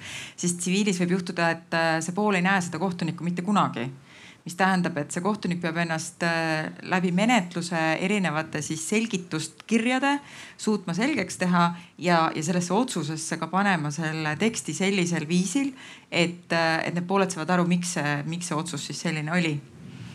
Ja, ja, ja siis äh, noh, avalikkuse osa seal on muidugi äh, ütleme, et äh, üsna pisike, et keegi kohtu, kohtuistungeid ei peeta, mis tähendab, et keegi, keegi ei saa tulla vaatama, miks, miks ühte või teistmoodi asju vaada, vaadati ja ka otsust tegelikult ei näe enne, kui see siis jõustunud on. No nii, aga nüüd me oleme jõudnud äh, meie järgmise teema juurde, mis ühtepidi jälle seondub selle eelmisega, ehk siis, et äh, kas kohtunikel üldse oleks aega selgitada seda otsust nii, et noh, iga inimene sellest aru saab ehk siis, kas meie kohtud äh, töötavad liiga aeglaselt? kas äh, ühel kohtunikul on korraga käsil liiga palju kohtuasju? kui ma siin äh, enne tänast uurisin, et kui palju siis, kui, kui suur on siis kohtuniku koormus, tuleb välja, et tsiviilis on keskmiselt nelisada seitseteist kohtuasja ja kriminaali, kriminaalis on kolmsada see on siis aastas, aastas sisse tulnud asjad, et kui te nagu maakohtus, et kui te nüüd paneksite ennast kohtunike rolli, see tähendab seda, et kui aastas laekub teile üle neljasaja kohtuasja, siis võite ise arvutada, mitu kohtuasja te päevas peaksite ära lahendama no aga olge nüüd aus, kui tuleb kolmsada kohtuasja aastas, see on keskmiselt noh, ütleme laias laastus seal peaaegu iga päev üks. kuidas te suudate keskenduda? Jah, noh, see avalikkuse arusaam kohtumenetlusest, et kui esimene asi, mis küsid äh, ilmselt äh, suvaliselt inimeselt tänavalt, et, et, et võib-olla sa peaksid ilmestama kuidagi äh, kohtumenetlust, siis esimene oleks kindlasti, ah, see on selline bürokraatlik, suur ja kindlasti äärmiselt aeglane. sa saad oma lahendi kätte aastate pärast see selline kuvand on kahtlemata kahetsusväärne, aga see kuvand on kindlasti ilmselt suurelt osalt kujunenud ka, vaadates nüüd Steni otsa, mõnede õnnetute kriminaalmenetluse, üldmenetluse asjade pärast, mis tõepoolest venivad ja mis võivadki venida lubamatult liiga pikaks ja millest räägib meedia, meediale meeldivad äh, negatiivsed äh, intriigiga lood ja neid muidugi ka üle võimendatakse, et, et sellest ongi tekkinud avalikkuse ees selline kuvand, et, et kohtumenetlus on midagi äärmiselt aeglast, venivat ja kulukat, kuigi tegelikkus on ilmselt ja ongi tegelikult midagi muud. Et kui tegelikult vaadata statistikat, jättes siis need mõned Äh, loetud arvu äh, väga pikaajalisi kriminaalmenetluse, üldmenetluse asju kõrvale, siis tegelikult on Eesti kohtumenetlus üks kiiremaid Euroopas. et oleme seal esikolmikus et äh, need numbrid tegelikult nii tsiviil kui ka haldusasjades ei ole tegelikult äh, midagi nii väga hullu. Sõltub ilmselt päris palju ka konkreetsest kohtuasjast. Äh, nii on seadusandja näiteks haldusasjades lausa ette kirjutanud, et näiteks pagulastega seotud asju tuleb lahendada kiiremas korras või riigihangetega seotud asju tuleb lahendada kiiremas korras peast võin siin öelda näiteks riigihanke asja lahendamine ka aastal kaks tuhat üheksateist võttis halduskohtus aega nelikümmend üheksa päeva. see ei ole sugugi aastaid, noh loomulikult on siin võimalus ka veel edasi kaevata, aga ka riigi, ringkonnakohus ja riigikohus äh, lahendavad neid äh, asju äh, kiiresti ehk, ehk teisisõnu see, see kuvand on pahatihti lihtsalt halvad, halbadest negatiivsetest näidetest tulenev, aga ilmselt võib-olla tuleneb ka sellest, et, et ühiskond ongi tänapäeval lihtsalt kiirem, et, et olukorras, kus meil on kõik mobiilis, toimub kiiresti. me tahame ka, et, et kõik asjad toimuvad, toimuksid kiiresti, nii ka kohtumenetlus, kuigi tegelikult see kiirus äh, või, või siis ütleme aeglus, mis kohtumenetluses on sisse kirjutatud, äh, sellel on väga lihtne põhjus. tagada menetlusgarantiid. kui te, kui ühe, üheks kohtumenetluse aluspõhimõtteks on kuulata ära teine pool ja tagada õiglane menetlus, aga teise poole ärakuulamine ja õiglase menetluse tagamine võtabki pahatihti aega et ähm, ehk siis sageli satuvadki need vastandlikku nii-öelda kaks pinget, ühel pool on see kiirus ja teisel pool on see menetlusgarantiide äh, tagamise küsimus, et äh, et siis on see keskpunkt seal kuskil vahepeal. ja mõnda asja ei saa kiiresti teha no kuidas teha nii, et ikkagi see menetlus ei muutuks äh, justkui nagu karistuseks iseenesest? Äh, siin Nele juba tundis vajadust vaadata minu otsa. ma pean ütlema, et minul ühtegi aastaid kestnud menetlust käes ei ole olnud. Aga jah, kriminaalasjades mõningad on, kuigi pean ütlema, et ka kriminaalasjades äh, valdav osa Äh, menetlusi, sealhulgas ka valdav osa üldmenetlusi, mis on need nii-öelda kõige aeglasemad menetlused. Nende pikkus ka maakohtus on alla aasta. et äh, ei ole mingeid meeletult pikki ja, ja, ja asja enda menetlemine võtab tõesti mõnikord äh, väga lühikest aega, et mõned, mõned päevad. et lihtsalt kuna nende asjade mass ongi suur, siis, siis need asjad peavad mõnevõrra ootama. aga mis nagu aitab seda massi nagu kohtul läbi töötada, üks asi ongi need kokkuleppemenetlused, mida aeg-ajalt äh, heidetakse ette, et Eestis neid tehakse, ega neid tehakse ka mujal. ja, ja nende osakaal on suhteliselt suur. ja, ja et nende alusel siis öeldakse, et ka süüdimõistvate otsuste osakaal on suur. Aga sellega seoses tulebki öelda seda, et noh, et kui vaadata kuritegude statistikat siis väga suur hulk ongi vargused, sealhulgas poevargused, joobes juhtimised, vägivallaasjad. Ehk seal ei olegi väga suurt sellist küsimust, et kas see tegu on toime pandud, kes on süüdi, mismoodi, et neid ongi võimalik suhteliselt lihtsalt ja suhteliselt kiiresti ära menetleda ja, ja seal ei tekigi seda süü küsimust ja, ja vaidlus ongi väikese osa üle, nii et see üsna väike protsent, mis, mis on õiguse, õigeksmõistmiste protsent, et see selles mõttes ei tohiks olla väga ehmatav. aga nagu Nele ütleski, ka selle, nende pikkade menetluste puhul üks põhjus kriminaalasjades on just äh, menetluslikud garantiid, sealhulgas seesama avalikkus, millest me just äsja rääkisime, sellepärast et äh, üldmenetluses kriminaalasjade puhul on põhimõte see, et äh, tõendeid tuleb kohtus uurida vahetult kohtuistungil. nii palju, kui neid tõendeid on, need tuuakse istungil kohtu ette ja neid uuritakse kohtus.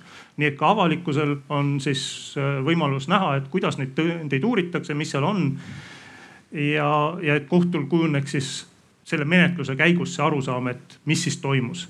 ja kui neid tõendeid on palju, siis see võtabki kaua aega. ja see ei võta kaua aega mitte ainult Eestis, vaid äh, tänaseks ette valmistades huvi pärast vaatasin, kuidas on teiste riikide äh, kogemus, et neid pikaaegseid menetlusi iseenesest on vähe ka teistes riikides ja need pälvivad väga suurt pahameelt ka teistes riikides aga Saksamaal rekordmenetlus oli viissada üheksakümmend üks istungipäeva. et nad ei näidanud seda aastates, vaid konkreetselt istungipäevi oli kokku viissada üheksakümmend üks. Äh, Inglismaalt äh, on üsna hiljutisest ajast nende kõige pikem menetlus kestis aastatest kaks tuhat viisteist kuni kaks tuhat seitseteist ja see oli vandekohtu istung, mis tähendab seda, et need äh, kaksteist vandekohtunikku olid äh, rohkem kui kaheks aastaks kistud oma tavaelust välja. Nad pidid kogu aeg selle menetluse juures olema. et äh, ka Inglismaal nähti sellest suurt probleemi. Ameerika pikim menetlus on umbes sama pikk, oli aastatel kaheksakümmend seitse kuni üheksakümmend. ja öeldakse, et see oli ka siiamaani Ameerikas kõige kulukam protsess ja lõppes äh, ma nüüd ei mäleta, kas süüdistusest loobumise või, või õigeks mõistmisega. ühesõnaga kokkuvõttes öeldi, et see menetlus tervikuna oli farss. et äh, nende pikkade menetlustega ka teistes riikides kipub minema niimoodi, et, et nende tulemus ei vasta ka avalikkuse ootusele. et, äh, et see ei ole mingi Eesti eripära, et meil mõnikord menetlused võtavad kaua aega, et see, selle tingib see, et neid tõendeid peabki kaua uurima ja, ja noh, ka muidu niimoodi huvitav faktina tooks välja, et sedasama asja uurides, et kui kaua on menetlused kestnud, siis äh, Briti pikim kohtukõne kestis sada üheksateist päeva.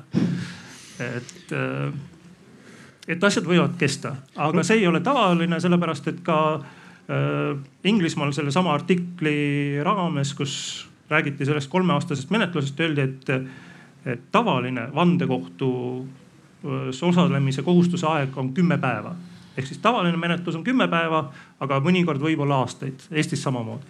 muide kiirelt siia vahele, tõepoolest vandekohus, mis on meile suhteliselt tundmatu asi. kuidas see Eestis töötaks, no meil on aeg-ajalt rahvakohtunikud kaasatud istungitele, aga. ainult kriminaalasjades. aga kuidas, kuidas teile tundub, kas Eesti on valinud õige tee? seda on ei, mul iseenesest äh, vandekohtusüsteem on sümpaatne. Äh, see on, see on mõnes mõttes loogilisem kui meie rahvakohtunike süsteem, sest Eestis äh, rahvakohtuniku süsteem, rahvakohtunikul on otsuse tegemisel võrdsed võim-, võrdsed õigused kohtunikuga ehk maakohtus raskemates kriminaalasjades, näiteks tapmiste puhul, üldmenetluses kohus arutab asja niimoodi, et on eesistujaks on professionaalne kohtunik ja tal on kaks rahvakohtunikku. ja need kaks rahvakohtunikku põhimõtteliselt võivad hääletada üle selle ühe kohtuniku. ja, ja nad ei, nad, nemad ei pea lähtuma nii-öelda sellest äh, õiguslikust argumentatsioonist või noh, neile võib seda tuua, aga eelkõige nende puhul on põhiküsimus see südametunnistuse küsimus. vandekohtu puhul on äh, Äh, vandekohtunike pädevuses on mitte niivõrd siis õigusliku küsimuse lahendamine, vaid fakti küsimuse lahendamine. kas nende tõendite alusel on näidatud ära, et see inimene on teinud seda, seda, seda. et äh, see on selline tavainimese tunnetuse küsimus, täiesti loogiline. mis võib vandekohtu puhul probleem olla ja mis on Eestis juba äh, rahvakohtuniku äh, puhul probleem, on see, et kuidas neid inimesi saada sinna kohtusse osalema, sellepärast et see kisub nad tavaelust eemale. et äh, see, ajal. see ei ole tasustatud ka, eks ole? saab mingisugust kompensatsiooni aga, aga töötasu kui sellist kohtuniku palka nad ei saa. ei saa Eestis, ei saa ka Inglismaal ega Ameerikas äh, vandekohtunikud. et ka Inglismaal, kui ma lugesin vandekohtunikele infot äh, nende ametlikul koduleheküljel, kus siis selgitati inimestele, et mis see, mis see tähendab, et kui tema saab äh, kutse vandekohtunikuks, siis seal oli, oligi kirjas umbes nii, et on ette nähtud teatav kompensatsioon töötasu saamata jäämise eest. et äh, ja, ja just selle, kui ma lugesin selle kolme, kolm aastat kestnud menetluse kohta Inglismaal, siis need vandekohtunikud ütlesid, et väga raske oli pärast seda kolme aastat uuesti nii-öelda tavaellu naasta, et nad olid kistud täiesti tavaelust välja ja nad täiesti siiralt ütlesid, et et meid jäeti täiesti abita, me oleksime vajanud psühholoogilist abi, et uuesti nagu harjuda nii-öelda tavaeluga. Nonii, aga selle teemaploki lõpetuseks äh, taaskord, kas nüüd on publiku seas tekkinud küsimusi? Tere, olen Annika. ma tuleksin korraks äh, perekonnaõiguse juurde, kui lubate. et äh, keskmine hooldusõigus menetluskohtus lahendatakse kuskil saja neljakümne seitsme päevaga, aga on väga-väga palju juhtumeid, kus tegelikult need hooldusõigusvaidlused jäävad kestma neljaks-viieks aastaks. et kui me rääkisime ennem siin sellest äh, aja nii-öelda raamist või mõistlikkuse printsiibist, siis kas, äh, kas selles osas ka, mis puudutab hooldusõigusvaidlusi, äh, on kuidagi võimalik määrata seda ajaraami, et see ei veniks nelja-viie aasta peale, et, et kas, kas on kuidagi võimalik seda määrata? kindlasti on, aga kas on vaja? selles osas, et äh, miks ta venib neli aastat, kas see neli aastat tähendab seda, et kohtunik ei tee mitte midagi või tegelikult toimub aktiivne protsess lepitamisel? Just, et äh, pigem, et äh, pigem jah selles, et on hästi pikk protsess lepituses ja ka see, et, et lapsevanemad siis esitavad aina uusi taotlusi, uusi kaebusi, aga selle kogu selle ajaprotsessi sees on kannatajaks laps kes on selle vaidluse keskel. ja, aga see laps jääb kannatajaks ka pärast seda protsessi, kui seda protsessi ära ei vaielda. et mina olen see, kes pooldab lepitust ma arvan, et hooldusõiguse vaidlused äh, tuleks enne, kui üldse kohtusse keegi pöördub, üldse püüda seda lepitusmenetlust äh, seal rakendada. ja mina olen see, kes arvab, et ei pea hooldusõiguse vaidlusi lahendama kohe plaksti, vaid see protsess mis loomulikult kestab, aga aktiivselt poolte koostöös. kui see, kui see koostööd ei ole, kui nad ei, kui, kui ei ole võimeline see vanemate paar minema lepitusse ja tegema seal mingisugust tööd, siis muidugi, siis tuleb see asi ära lahendada. aga kui seal on ikkagi näha seda, et eh, need inimesed saavad siis neutraalse osapoole juures milleski kokku leppida, siis tuleb neil lasta seda teha, sest eh, kui kohus teeb selle määruse ära ja tegelikult pooled ei ole nõus sellega, siis ju see protsess läheb edasi, siis me läheme edasi sinna siis kohtu kaudu lepitusmenetlusse ja põhimõtteliselt see laps kannatab ju ikkagi. Et, et ma arvan, et hooldusõiguse küsimusi ei saa lahendada väga kiiresti, kuid selles menetluses peab olema kindlasti abi, et kohtunik ise ja ka tegelikult kohalik omavalitsus ja, ja siis äh, lepitusorganid, kes, kes aitavad need vanemad jõuda sellele teele, et nad äh, mingisuguse kokkuleppe sõlmiksid. kas te küsin... näete, et see abi on praegu piisav? ei ole aga meil on, meil on nii palju asi paremaks teinud, mul on nüüd see väga lühike kogemus, poolteist aastat, eks. et, et ma siin ei saa niisuguseid põhjapanevaid äh, järeldusi teha, aga ka sellest aastast tegelikult meil on võimalus suunata inimesed äh, lepitusse, mitte siis nüüd enam nende, ainult nende enda raha eest, vaid, äh, vaid meil on mingisugune võimalus ka neil tasuta lepitust saada ja, ja mina olen seda aktiivselt kasutanud, siiamaani mul menetlustes, äh, nad käivad lepitustes, need on kõik need pooleli, sest see protsess hakkas kuskil veebruaris pihta, koroona tegi oma töö. et, äh, et mul on suur usk sellesse, et see aitab neid inimesi. Aga ma hoian silma peal neil selles osas, et nad ei saa seal omaette, omaette mitte midagi teha, vaid nad peavad aktiivselt tööd tegema on siis hooldusküsimuse lahendamine pigem selline emotsionaalne protsess või, või tuleb ikkagi kuidagi püüda seal faktide rägastikus siis selgust saada, et? et kas tegemist on tegelikult üldse õigusvaidlusega või on see pigem vaidlus tunnete üle ja kuidas ja. neid kõige paremini juhtida? no ega seal tõesti seda õigust on, on omajagu, aga, aga ikkagi selle õiguse sisustavad need emotsioonid ja enamasti on suur pettumus ja võimetus teha koostööd ja arusaamatus sellest, et olenemata sellest, et see paarisuhe on katki, siis vanemlik äh, nagu suhe ju jääb alles. ja, ja püüdes nagu seda vanemlikku suhet ja seda kolmiksuhet või noh, oleneb, kui palju neid lapsi on, toetada, äh, siis, äh, siis ma arvan, et kohus on seal nagu ise osaliselt lepitaja, aga kuna meie ettevalmistus kohtunikuna on ikka psühholoogia osas ikka väga nigel et siis, äh, siis mina hea meelega jätan selle kompetentsemate isikute teha ja, ja noh, tegelikult tuleks riigil ikkagi see, see osa nagu vanemlike koolituste ja, ja, ja selle lepituse osas nagu tugevasti-tugevasti toetada. no nii, aga publikust veel küsimusi tervist, olen Eleri, olen õigusteaduse üliõpilane. Äh, ma puudutaks korra seda teemat, mis te rääkisite, et avalikkuse äh, nii-öelda usaldus kohtusüsteemi peab olema väga tugev, et siis, siis nagu see asi äh, töötab ka. ja ma tooks natuke sisse, mis mind on tegelikult päris pikalt paenud, on poliitika ja, ja õigus, õigus nii-öelda õiguse mõistmine. et väga prominentsed sõnavõtud on olnud kohtu suunas ja väga kriitilised kohtu suunas, mis mis mingil moel ka mõjutavad tegelikult avalikkuse arvamust ja minu küsimus on pigem see, et kas ja kui palju selline avalik diskussioon äh, siis poliitikute tasandil mõjutab kohtuotsuste tegemist. et kui palju teie olete tundnud seda, kui palju te olete näinud, et see nagu mõjutab või kas see üldse mõjutab, kas see on üldse oluline, et, et poliitiline diskussioon kohtusüsteemi õigluse ja, ja nende samade trotside otsuste üle nagu mõjutab kohtu, kohtuotsuseid? Ehm, kohtunikuna olen ma kindlasti mures selliste sõnadevõttude, sõnavõttude üle.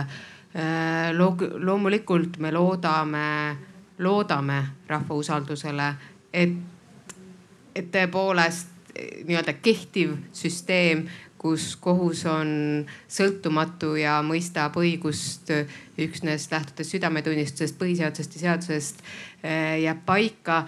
Aga loomulikult äh, me peame ka kohtunikuna, selles mõttes vaatan neid arenguid murega, et äh, me võiksime silmad kinni panna ja öelda, et meid ei huvita see, et me oleme eluaegselt ametisse nimetast, nimetatud ja mis siis. aga me teame, mis on juhtunud Ungaris. me teame, mis on juhtunud Poolas kohtusüsteemidega. me teame, mis on juhtunud veel mõnes Euroopa riigis Äh, kohtusüsteemiga. E, ja ainus vahend selle vastu, et Eestis nii ei juhtuks, on see, et kohtud saavad ja peavad lootma avalikkuse toetusele. E, et kohtunike usaldusväärsus oleks, oleks tagatud, et ähm, iga kohus, iga kohtunik peab selle nimel vaeva nägema, et selgitada oma otsuseid, rääkida avalikkusega, et, et see usaldusväärsus, äh, mille me oleme saavutanud, see usaldus, mis meile on antud, see jääks püsima, sest usalduse saavutamine, nagu öeldakse, on väga raske töö, aga selle kaotamine on väga-väga hõlbus ja nagu me näeme naaberriikidest, võib see nii juhtuda. siin tahaks öelda seda, et nii nagu ma enne juba rääkisin, et võimude lahususe kaasaegne põhimõte ongi tasakaalu küsimus, et siin peabki võimude vahel diskussioon olema. Ja kokkuvõttes kõige olulisem loomulikult on seadusandja tahe ja loomulikult võib äh, poliitik olla väga kriitiline kohtu suhtes. ainult et minu arusaam on see, et siis see kriitika peaks äh, kuidagi kanaliseeruma sinna, et seadusandja siis mõtleb, et ahaa, mina kirjutasin seaduse niimoodi, kohus tõlgendab seda nii, vaat ei ole päris nii, nagu ma mõtlesin. teen seaduse paremaks, teen nii, kirjutan seda nii, nagu mina mõtlesin. et ei peaks olema see, et, et siis minnakse kuidagi kohtuniku kallale, et, et mida ma nüüd selle kohtunikuga saan teha, vaid see, et mida ma saan selle seadusega teha, mida kohus minu meelest valesti tõlgendas. Liina. Äh, ma, ma tahaks küll loota, et mind kohtunikuna see avalik diskussioon minu äh, staatuse üle ei mõjuta. sest äh, ma ei saa, sellisel juhul ma ei saaks kohtunik ka töötada, sest ma pean ikkagi tegema otsuseid vastavalt oma südametunnistusele, seadusele ja see, mis seal kuskil tagapool äh, nii-öelda mind potentsiaalselt ähvardab, ei, ei, ei saa minu otsust mõjutada, sest sellisel juhul ma olen vale inimene seda tööd tegema. meil veel natukene aega on jäänud. võtame, võtame veel ühe küsimuse ahah, seal keskel.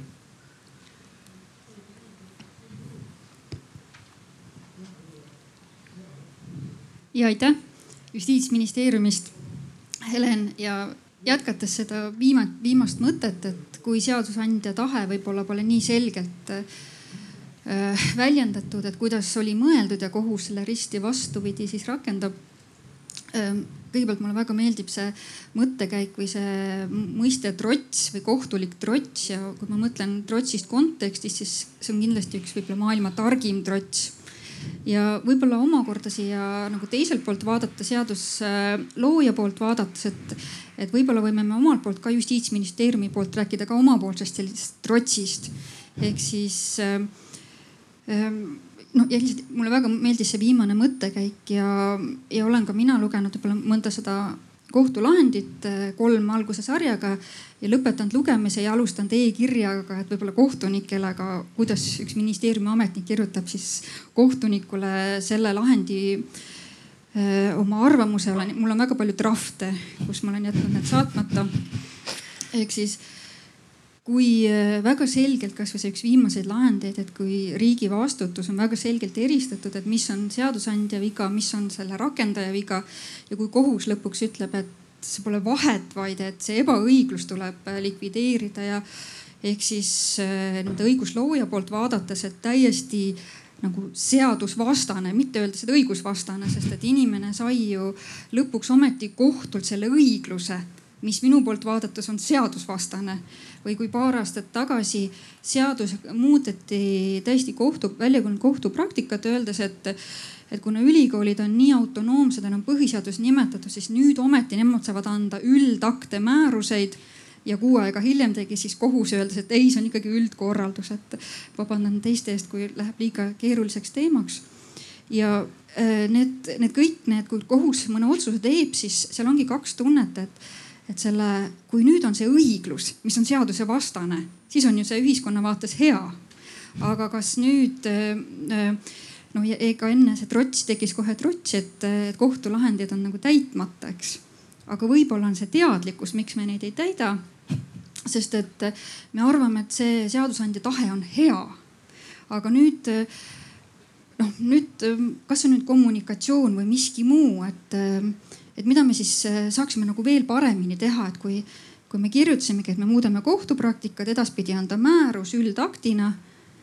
et kas me peaksime siis nagu veel midagi paremaks teha, aga ma vist juba hakkasin heietama, aga mulle väga meeldib see diskussioon ja, ja võib-olla, mis oleks meile mugavam, oleks see, kui siis kohus pigem siis tunnistaks põhiseadusega vastuolus olevaks, vastuolus olevaks mõne lahenduse, kui äh, kui teha selline lahendus, mis on nagu risti vastupidi selle seaduse tahtele. sest äh, tõesti see, see riigivastutuse ehm, lahendi kontekst, et see, seda tekitas koheselt väga terava diskussiooni, et, äh, et minna vastuollu nende, nende oluliste täiesti erisuste, kontseptuaalsete erisustega ja, ja teha üks selline kokteil, mis aitab inimest aga mis muudab seda süsteemi nagu põhimõtteliselt ähm, olematuks, nii nagu ta kunagi loodi.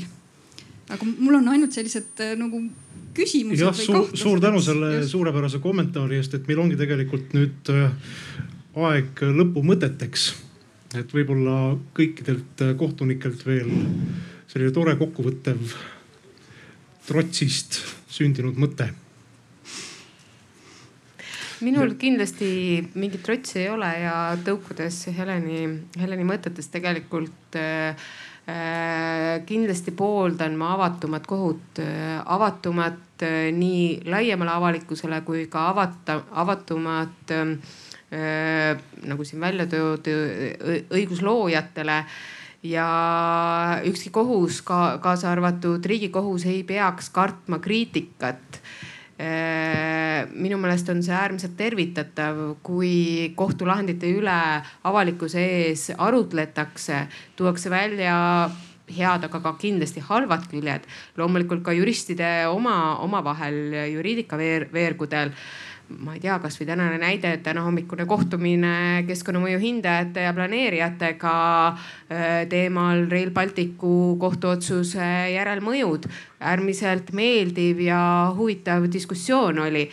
et ähm, ühesõnaga kokkuvõtlikult kui, kui te tunnete, et teil on midagi südamel seoses kohtute, kohtute, kohtutööga, kohtusüsteemiga, kohtulahendiga, siis ärge jätke seda kindlasti oma teada, et äh, kohtunikele meeldib diskussioon. Liina. ja ka ikkagi ei tee trotsist neid otsuseid ja, ja kindlasti olen inimene ka selle kõige juures, et ei saa öelda, et kohtunik on masin või robot, on omad veendumused, on omad äh, arvamused ja, ja eks, eks need peegelduvad ka nendest kohtuotsustest. aga ka nagu, nagu Nele just ütles, et, et see avatud, et kohus ei ole seal kuskil püüne peal. tegelikult on kohus äh, selleks, et inimesed saaksid äh, noh tsiviilkohtus siis äh, oma mingisuguses äh, lepingulises äh, või siis perekondlikus suhtes rahu. ja kõige parem oleks see, kui mõlemad pooled oleksid rahul.